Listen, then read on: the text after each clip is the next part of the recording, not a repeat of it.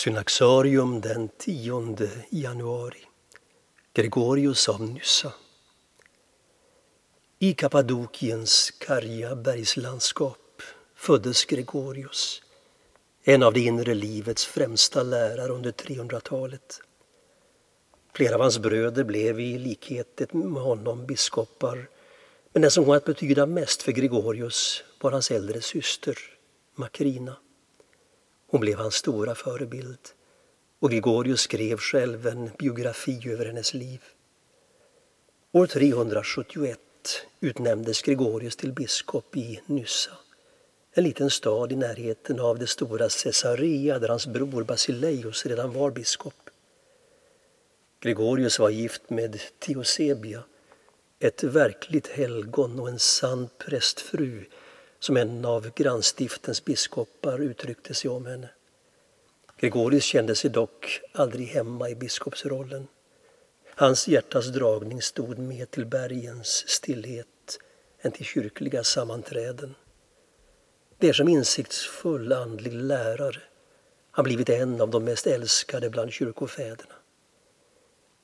Gregorius kom dock att spela en huvudroll vid det andra stora kyrkomötet i Konstantinopel 381.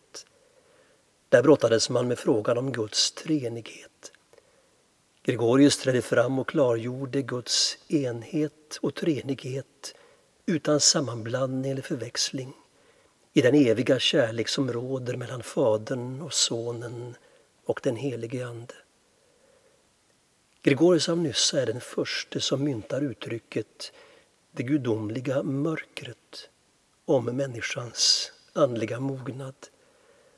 Vägen går inte som man först kan tänka sig från klarhet till klarhet. Vi vandrar tvärtom från klarhet till dunkel. Inte för att tron är vag eller för att Gud leker med människan. Det har med Guds oåtkomlighet att göra. Ljuset från den gudomliga verkligheten är tusenfalt skarpare än solen. Ingen kan se Gud och leva. Denna vägledning utlägger Gregorius bland annat i sin bok Mose liv, men också i sin kommentar till Höga visan. Guds längtan var Gregorius av Nyssas stora livstema. Han tröttnade aldrig på att framhålla att när livet är som bäst är det törst efter mer. Detta är vad det innebär att se Gud, att aldrig få sitt begär mättat, upprepade han ofta. Gregorius insomnade år 394. Tillsammans med Gregorius av Nazianzus och sin bror Basileus av Caesarea betraktas han som en av östkyrkans pelare.